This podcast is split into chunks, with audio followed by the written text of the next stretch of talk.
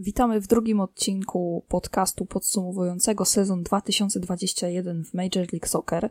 I nie bez powodu dzisiaj rozmawiamy o Toronto FC. Na samym początku, no ale nie jest to dziwne, jeżeli spojrzymy sobie na wyniki tej drużyny, zaskakująco słabe, wręcz fatalne, a to oznacza, że naprawdę będzie o czym rozmawiać. Dzisiaj ze mną jest y, Bartek Kiernicki. Dzień dobry. Ja nazywam się Katarzyna Przepiórka i zaczynamy y, szkalowanie TFC na pełnej, bo tutaj inaczej się po prostu w tym sezonie nie da. Zacznijmy od kontekstu. Toronto to jest, no, myślę, że jeden z trzech najbogatszych zespołów w lidze. To jest tak w przełożeniu na rynek polski, taka Legia Warszawa, jeśli chodzi o kominy płacowe i finanse. O, i to jest dobry przykład. Yy, Toronto był, jest, było Legią Warszawa tego sezonu, tak? Ludzie liczyli na to, że będą walczyć o wszystkie tytuły, a grali jak Legia. Chociaż można powiedzieć, że oni mają chociaż wytłumaczenie, no bo tam jedna trzecia składu była w którejś części sezonu kontuzjowana. Te największe gwiazdy grały bodajże w sześciu spotkaniach razem na 34 możliwości, więc no tu można, jeszcze, że to jest e, liga zamknięta z salary cap, więc tu nie można mieć miliona dobrych piłkarzy, więc może troszkę są bardziej usprawiedliwiani niż stołeczny klub. To się tak e, już zamykając e, nawiązania do Europy. No i też mieli mm, no. gorszego trenera niż Czesław Michalewicz, nie oszukujmy się. Okej. Okay. Ja cenię, sobie, Czesław... ja, ja cenię Czy... sobie szkoleniowców w Stanach Zjednoczonych, aczkolwiek Chris Armas nigdy nie zaliczał się do tego grona. I jak ktoś Czy... chce, to może mi wyciągnąć tweety, ale nigdy nie byłam zwolenniczką tego szkoleniowca i są na to kwity. Dobrze. Teraz pytanie ze 100 punktów. Czy Czesław Michniewicz został asystentem trenera w Manchesterze United? Nie, nie. ale to o niczym nie świadczy. Wiem, że to jest prawdopodobnie tak, że on jest dobrym asystentem, a słabym trenerem. Tak. I, może tak być, mo, mo, może, tak, może być tak, że po prostu on się na trenera nie nadaje, bo w Red Bullu, skąd przeszedł z Toronto, jako asystent podobno był bardzo dobry, no a jako trener to no niby zniszczył, tam zrobił, zrobił rekord punktowy. Pracy Marsza.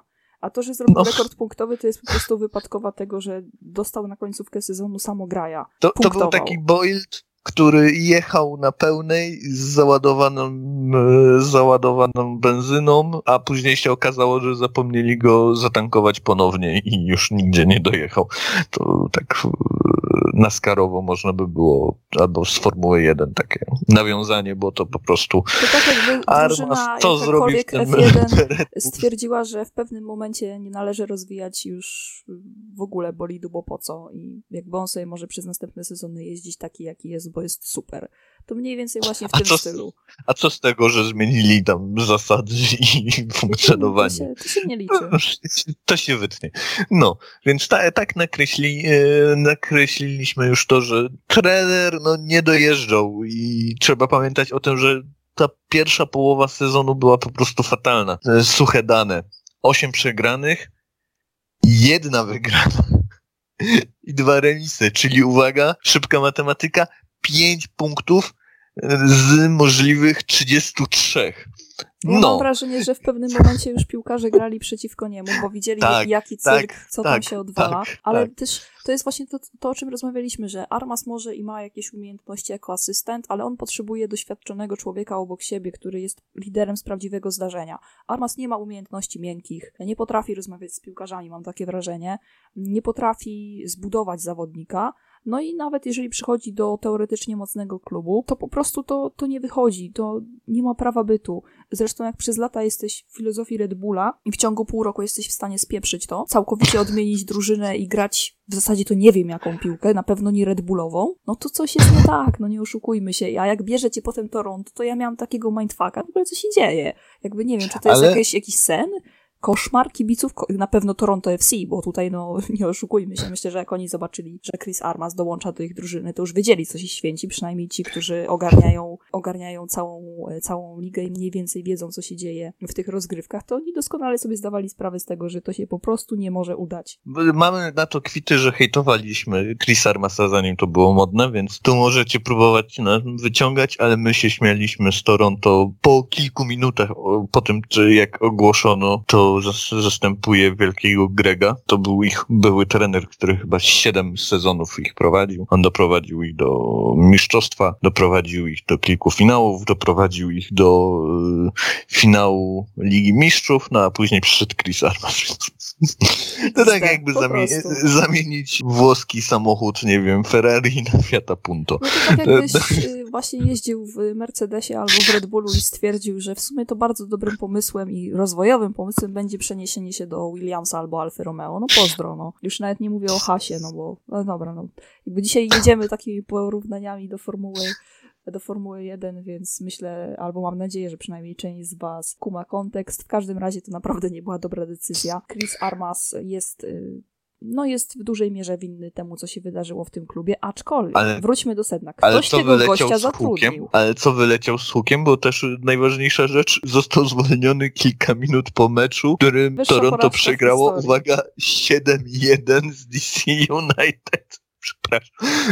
Dobry humor mam dzisiaj, przepraszam, ale no, to... to... zaraz się udławi, bo po prostu wjeżdża za mocno. I, I, tyle było z tego, z chłopaka. Dobra, Co, cóż jeszcze możemy powiedzieć? No właśnie ktoś e... tego gościa zatrudnił i to jest też, wydaje mi się, bardzo ważna kwestia, bo o ile TFC w pewnym momencie było bardzo rozsądnie zarządzanym klubem i nawet jeżeli przepłacali za niektóre kontrakty, to to się wszystko spinało. Tak od odejścia Tima Bezbaczenko, który teraz jest y, GM-em w Columbus Crew, no to tam się wiele rzeczy posypało. I mam wrażenie, że przez to, że tam swoje macki bardzo mocno no zapuściła i zakorzeniła się rodzina Bradleyów, to to, to też nie działa na korzyść tego klubu. Tak, to zdecydowanie to, to trzeba powiedzieć, bo po pierwsze Bradley, syn, gra Michael Bradley, tam. który gra jako defensywny pomocnik, znaczy gra, jeżeli jest zdrowy, no to też... To nie jest zły piłkarz, ja go będę dalej nie, bronił nie, jak konstytucji. Nie, absolutnie nie, to ale... nie jest zły piłkarz ale jest już wiekowy, no, ma coraz więcej lat. I nie, na pewno, na pewno nie powinien mieć kontraktu. No po pierwsze. Znaczy taki tak zszedł z kontraktu, to już, e, bo wcześniej miał DP.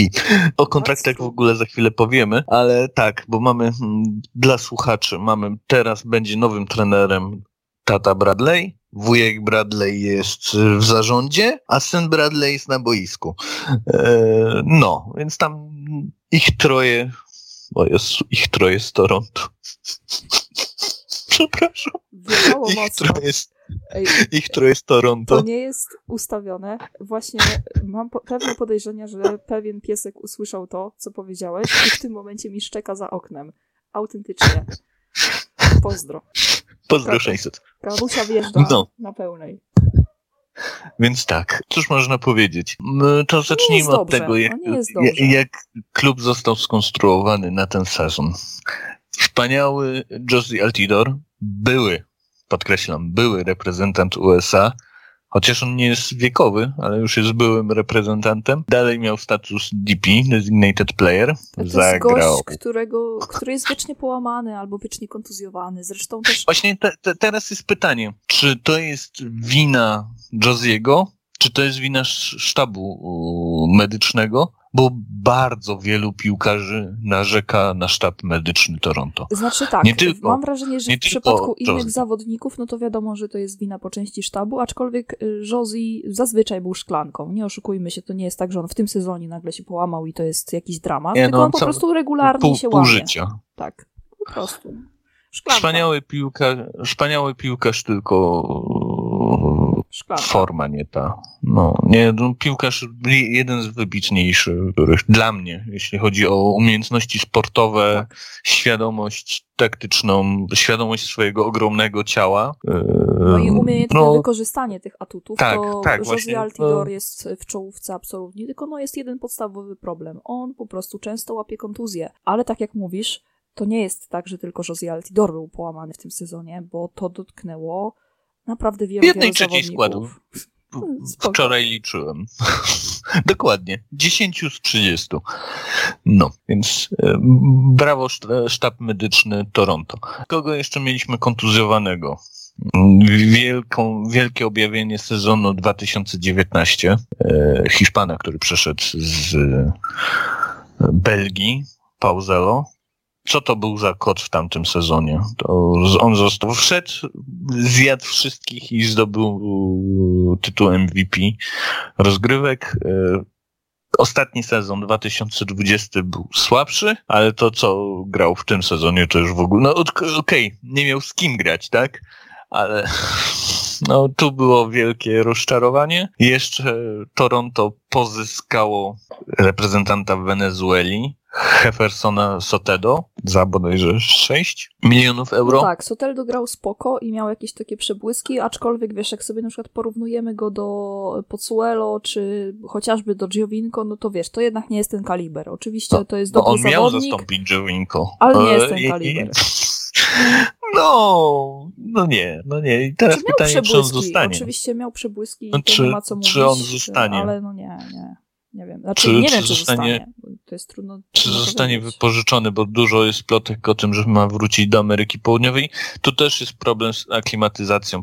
Trzeba pamiętać, że Toronto jedną trzecią sezonu grało w USA, w, mieszkali w hotelu, etc. Yy, no przez COVID, prawda, bo Kanada ma jeden z najbardziej restrykcyjnych praw antykowidowych i przez jedną trzecią sezonu kanadyjskie zespoły grały w USA i mieszkały po prostu po hotelach. Dla mnie to też może być problem z aklimatyzacją. Jeśli on zostanie i uda im się upchnąć Altidora na nowym y, kontrakcie, jeszcze będzie Bradley, wszystkie te plotki zwłok zostaną potwierdzone, no tak, to oni mogą mieć absurdalny atak i Lorenzo to Insigne, i wtedy który by dołączył do do Toronto FC na pięcio i półletni kontrakt za rekordową kasę, jeżeli mówimy o wynagrodzeniu no to to jest y, wow, to, to jest kapitalny ruch, to jest lepszy ruch niż ściągnięcie Sebastiana Dziewińko, czysto piłkarsko. Jeżeli bierzemy tych Dla piłkarzy, którzy tak. przechodzili do, do ligi w danym momencie, to Lorenzo i Sinie to jest dużo, dużo lepszy e, transfer i no oczekuję od niego bardzo, bardzo wiele. Mało tego, oni mają zamiar ściągnąć gościa, który od dłuższego czasu jest niezadowolony w Torino, czyli Andrea Bellotti jako napastnik i na przykład w tym ułożeniu Bellotti Josie Altidor, w ogóle atak i ofensywa Toronto FC brzmi absurdalnie. Abs ab absurdalnie. Po lewej Sotedo, po prawej Pauzelo, na środku generał Bradley, z frontu dwóch Włochów. Jeszcze podobno mają ściągnąć e, Włocha obrońcę środkowego. To no, absurdalne, a później na ostatnie 20-30 minut świeży Altidor żeby po, porozpychać zmęczonych obrońców. Nie, i jeszcze to będzie prowadził Bradley, który, no nie oszukujmy się, nie jest złym trenerem. Bradley szczególnie Więc... początki w nowej drużynie i to było nawet widać w LAFC. Pierwsze dwa sezony w LAFC to był kosmos. Kosmos. Bardzo dobre dwa, dwa pierwsze sezony. No, I potem już trochę się posypało, więc on tutaj początek i to wejście do TFC może być absurdalnie mocne. Ale zauważyłam jedną rzecz, że niebezpiecznie zboczyliśmy z tematu i zaczęliśmy chwalić przyszłość, która tak naprawdę jeszcze nie klaruje się w takich jasnych barwach, bo nie wiemy, co z tego zostanie potwierdzone, co nie, w którym momencie to wszystko wejdzie na ten wyższy poziom. Dlatego przywracam nas do porządku, Wróćmy. Bartku, i wracamy do, do tego sezonu. Hype. Nie, no to jest hype niesamowity, dlatego ja też ciebie rozumiem, no bo to i ja siebie też rozumiem, bo to jest wow, niesamowite, jeżeli te wszystkie transfery i to wszystko się dopnie, to będę mieć takie, Boże, ale Toronto FC dla, może być dla, mocne. Dla mnie to będzie większe niż Beckham ściągnięty do Galaxy. Moim, moim zdaniem to będzie miało większy impact. Zgadzam ale się. wróćmy. Tym bardziej, no, nieważne, wróćmy do tego, co się działo okay. w tym sezonie, a ten sezon był Zły. tragiczny. Cóż, to był drugi najgorszy sezon w historii Toronto. Oni mają już 15 lat, tylko w 2012 e, mieli gorszy sezon i w następnym sezonie Bezbeczenko przejął stery. To można tak ładną, klamrę sobie założyć. Po, powiedzieliśmy o reprezentancie Wenezueli, powiedzieliśmy już o Pauzelo. Cóż jeszcze? No, powiedzieliśmy o kontuzjach. Mm, to możemy jeszcze powiedzieć o tym, że mieli fatal, fatalną, fatalną dyspozycję na wyjeździe, bo zdobyli 9 punktów w 17 spotkaniach na terenach swoich. W Kanadzie troszkę odrabiali i ten koniec sezonu był ciut lepszy, ale początek był faktycznie dramatyczny. Oni byli przez pewien czas gorszą drużyną niż Cincinnati i byli na najniższym stopniu, więc to jest w ogóle absurdalne. Aż mi się chce znowu przywołać case e, Legii Warszawa, ale może to pozostawmy. Czy jakieś plusy możemy dostrzec w tym sezonie, bo sezon był fatalny i zapewne wszyscy w Toronto chcą o nim zapomnieć. Wiesz co, e, jakby dla mnie plusem zawsze będzie Jonathan Osorio, bo mam wrażenie, że to jest taki zawodnik, którego nawet nawet jeżeli trener nie do końca potrafi wykorzystać, to on potrafi sam wejść na ten poziom i coś dać drużynie, więc y, mam nadzieję, że z niego nie zrezygnują, bo to jest zawodnik, który daje dużo i klubowi, i reprezentacji w kontekście takim szerokim, tak. E, ale... W reprezentacji jest zdecydowanie lepszy niż w lidze, co jest takim tak. dziwnym case'em. No to, to też jest kwestia tego, że tego piłkarza jest dosyć trudno prowadzić i jeżeli nie masz dobrego trenera, no nie było dobrego trenera w tym sezonie, to y, średnio, średnio ci wychodzi poprowadzenie takiego gościa. Ale chcę jeszcze powiedzieć o młodzikach, bo Akademia Toronto FC jest naprawdę dobra, ale to jest kolejny taki przykład, gdzie ci piłkarze nie są do końca wykorzystywani. I potem mamy takie przypadki, że ci młodzi wyjeżdżają na jakieś testy po Europie i przenoszą się do, do tych drużyn nawet słabszych y, w topowych, nawet nie w topowych ligach, ale na przykład w akademiach tych topowych lig. No i to jest problem taki, że nie jesteś w stanie wykorzystać potencjału akademii. I niestety, ale to jest kolejny kamyczek do ogródka Toronto FC. Dlaczego problem, jest problem z Akademią Toronto? Oni mają dla mnie myślę, że w top 3, a na pewno w top 5 akademii w MLS i mogę walczyć o to, ale nie tak będę się na ten mówiła, temat teraz z tą kłócić, bo chyba nie do końca się zgadzam, ale na pewno są w czołówce. Może nie w top 5, ale w czołówce są spokojne. Dla mnie zdecydowanie tylko kompletnie nie wykorzystują tego, no bo jak kupujesz piłkarza za 6-8 milionów albo płacisz mu 3 miliony przez sezon, no to nim grasz, nie?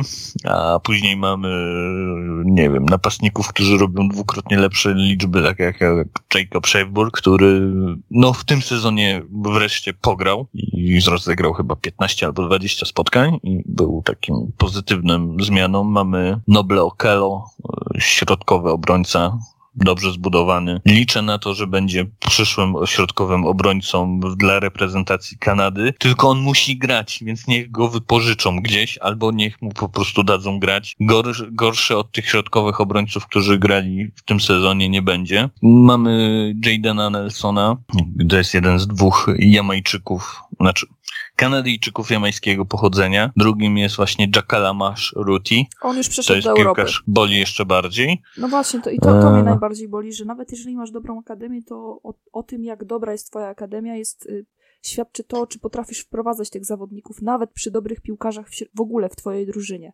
No i Toronto tego nie robi i oto mam e, duży ból istnienia, że tak to mówię. No wiesz, no łatwiej wprowadzać młodzików w takich zespołach jak Union albo Dallas, którzy nie mają sensownych piłkarzy poza młodzikami. Oczywiście tu hiperbolizuję, ale ani inaczej jak masz taką zespół gwiazd, tak? No wiadomo, jest inaczej... to trudne, ale no właśnie powinieneś to jakkolwiek ale wyważyć. Oni, oni nie, no oni nie, nie dostawali szans nawet jak było wiadomo, że oni nie dostaną awansu, nie? I co i dalej nie było grane no, młodzikami. To jest, to jest ten, ten, to... ten ból. Dobrze, to już omówiliśmy sobie większość rzeczy i o tym jeszcze pewnie moglibyśmy rozmawiać bardzo długo, w szczególności o akademii, o tych problemach, jak, to, jak tych zawodników wprowadzać, dlaczego w ogóle Toronto było w tym sezonie słabe. I na sam koniec jeszcze króciutkie podsumowanie tych występów bardzo, bardzo słabych w sezonie 2020 21. Wszystko było złe. Była zła obrona, był zły atak.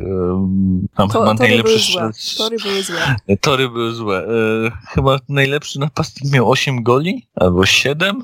No nie, no, no dramatycznie. No nic się nie sklejało. Mm, pomoc się nie sklejała. Atak się nie sklejał. Mają dwóch bramkarzy i cały czas nie było wiadomo, który bramkarz jest jedynką, a który jest rezerwą. Raz grał ten, raz grał ten. Ech, ten trener słaby. Co ja mam powiedzieć? To, to błąd, błąd systemu, no glitch. To, to, to nie miało prawa się stać. No ale to też jest piękno piłki. Że niekiedy i słabsze zespoły, i lepsze zespoły mogą mieć słabszy sezon w ten sposób, bym powiedział. Możemy tak to, analizować, tak to, proszę Państwa, ile, wygląda. ile co przegrali, ale to, to jest... Nie ma sensu. Ja wiem, że powiem tak, no to jest tak dziwny sezon dla Toronto, że no ja nigdy nie pamiętałem takiego e, sezonu. No oglądam już parę ładnych lat e, MLS i no co mogę powiedzieć? No, no jest to absurdalne. Tak? No, jest to bardzo dziwne. No, jest to tak dziwne, że to. A przecież to jest zespół, który no, z, z, z Seattle robi sobie mm, derby w w finałach e, mistrzostw, tak? Ile oni razy e, grali no tak, teraz. To jest, to jest w ogóle tak jakby to... znamienne. Aczkolwiek jakby już podsumowując e, i kończąc powoli ten odcinek, raczej jesteśmy zgodni, że drugi tak słaby sezon Toronto FC się po prostu nie przydarzy przynajmniej nie w tych nadchodzących rozgrywkach, bo tutaj powinna, powinno wejść właśnie tych kilku nowych graczy i w ogóle sporo zmian, które przyczynią się do powrotu Toronto FC na szczyt, a przynajmniej e, do grona tych drużyn, które będą się biły o najwyższe cele i chyba tutaj się zgodzimy. Liczę na to, bo Toronto jest chyba najważniejszym punktem, jeśli chodzi o piłkarską Kanadę i jeśli oni grają, no to wszyscy będą, jeśli oni grają źle, to, to znaczy, że źle się dzieje w państwie kanadyjskim, czego sobie nie życzę. Mam nadzieję, że się odbiją od dna. No, myślę, że gorzej już nie może być fizycznie po prostu. Nie wiem, co musiałoby się tam stać, żeby było gorzej. Szczerze mówiąc, trudno mi sobie to wyobrazić, więc poczekamy, co się wydarzy w tym off-seasonie, a tutaj Toronto FC atakuje i to naprawdę mocno, więc trzymamy kciuki, żeby to wszystko się jakoś poukładało i żebyśmy my po prostu mogli oglądać całkiem ciekawą i fajną piłkę. Za dzisiaj dziękuję Bartek Kiernicki. Dziękuję ślicznie. I Kasia Przepiórka. Do usłyszenia w następnym odcinku, a tam porozmawiamy sobie o Houston Dynamo. W każdym razie zapraszamy i zachęcamy do subskrybowania nas na Spotify'u. Możecie też wystawić ocenę, a jeżeli słuchacie nas na innych platformach streamingowych, to się cieszymy i dajcie znać, czy tam wszystko dobrze y, funkcjonuje. Do usłyszenia w następnym odcinku.